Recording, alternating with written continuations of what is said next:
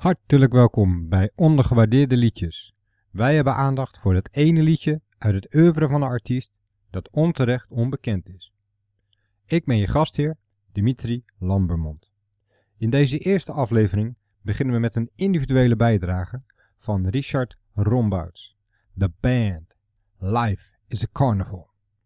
Ik hoorde het liedje voor het eerst op Radio Veronica en ik wist dat ik direct het plaatje moest kopen. Man, wat een geluid. Het lied is een funky groove met Dixieland horns, keyboards en gitaarwerk. Op naar de platenboer een paar straten verder. Het lied was net in de top 40 met stip op de 26e plaats binnengekomen. Overigens zouden ze de week erop dezelfde plek bekleden en daarmee was het avontuur uit, maar dit terzijde. Kennelijk vond de distributiemaatschappij dat een leuke omslag een overbodige luxe was, want het was een rood hoesje met de naam van de band en de titel van het lied, Life is a Carnival. En daaronder iets kleiner geschreven de flipzijde, The Moon Struck One. Geen fotootje, helemaal nop. Als mijn geheugen me niet in de steek laat, moest ik daar 3 gulden 75 voor neertellen. Ik was toen nog geen LP-koper qua financiën, want anders had ik Kahoots wel direct aangeschaft.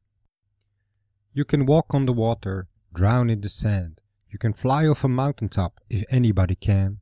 Run away, run away, it's the restless age. Look away, look away, you can turn the page. Hey buddy, would you like to buy a watch real cheap? Here on the street. I got six on each arm and two more around my feet. Life is a carnival, believe it or not. Life is a carnival, two bits a shot. De metafoor van de carnaval betreft de continue veranderingen en de problemen van de artiest die het op een afstand aanschouwt. De tekst van het lied is op een muur achter Levon Helms graf in Woodstock gegraveerd. In 1978 kwam The Last Waltz uit, met natuurlijk Life is a Carnival, het einde van de band en een tijdperk. Een episch album dat feitelijk iedereen in huis moet hebben. Ja, moet hebben. Ik ga niet beweren dat dit album het allerbeste in de geschiedenis van de popmuziek is, maar het staat zeker bij de 25 beste ooit. Zo verschrikkelijk goed, zo ontzettend veel toonaangevende muzikanten een monument. De enige misser was Dry Your Eyes van New Diamond. Oké, Robbie Robertson was medecomponist, maar Nicola Nelis paste niet in dat selecte gezelschap.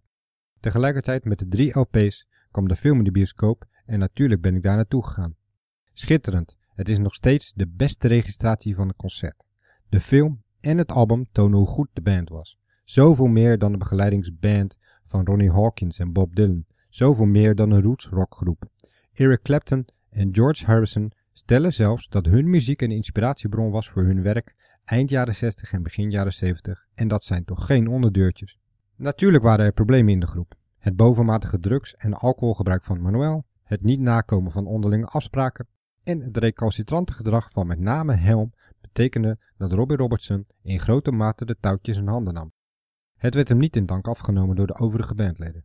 De onderlinge problemen en het vele toeren betekenden dat hij in 1978 aangaf te willen stoppen met de band en groots afscheid wilde in dezelfde concerthal waar het ooit begonnen was. Natuurlijk waren de anderen het er weer niet mee eens, zodat Robertson vrijwel alles geregeld heeft in samenwerking met regisseur Martin Scorsese. Helm schreef in zijn autobiografie dat het de schuld van Robertson was dat de band stopte, waarop Robertson stelde: I made my big statement. I did the movie. I made a three record album about it. And if this is only my statement, not theirs, I'll accept that. They're saying, well, that was really his trip, not our trip. Well, fine. I'll take the best music film that's ever been made and make it my statement. I don't have any problems with that. None at all. Dat was de individuele bijdrage van Richard Rombouts. Wil je horen hoe het nummer klinkt? Ga dan naar www ondergewaardeerdeliedjes.nl. Tot de volgende keer.